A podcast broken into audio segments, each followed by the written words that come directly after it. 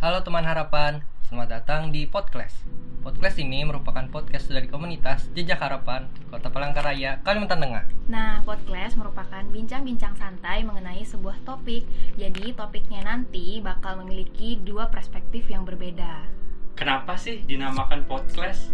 Nah, jadi podcast diambil dari dua kata, podcast dan class. Nah, class sendiri maksudnya benturan yang ada dari dua perspektif tadi tuh yang akan kita bahas di setiap episode nantinya. Selamat mendengarkan.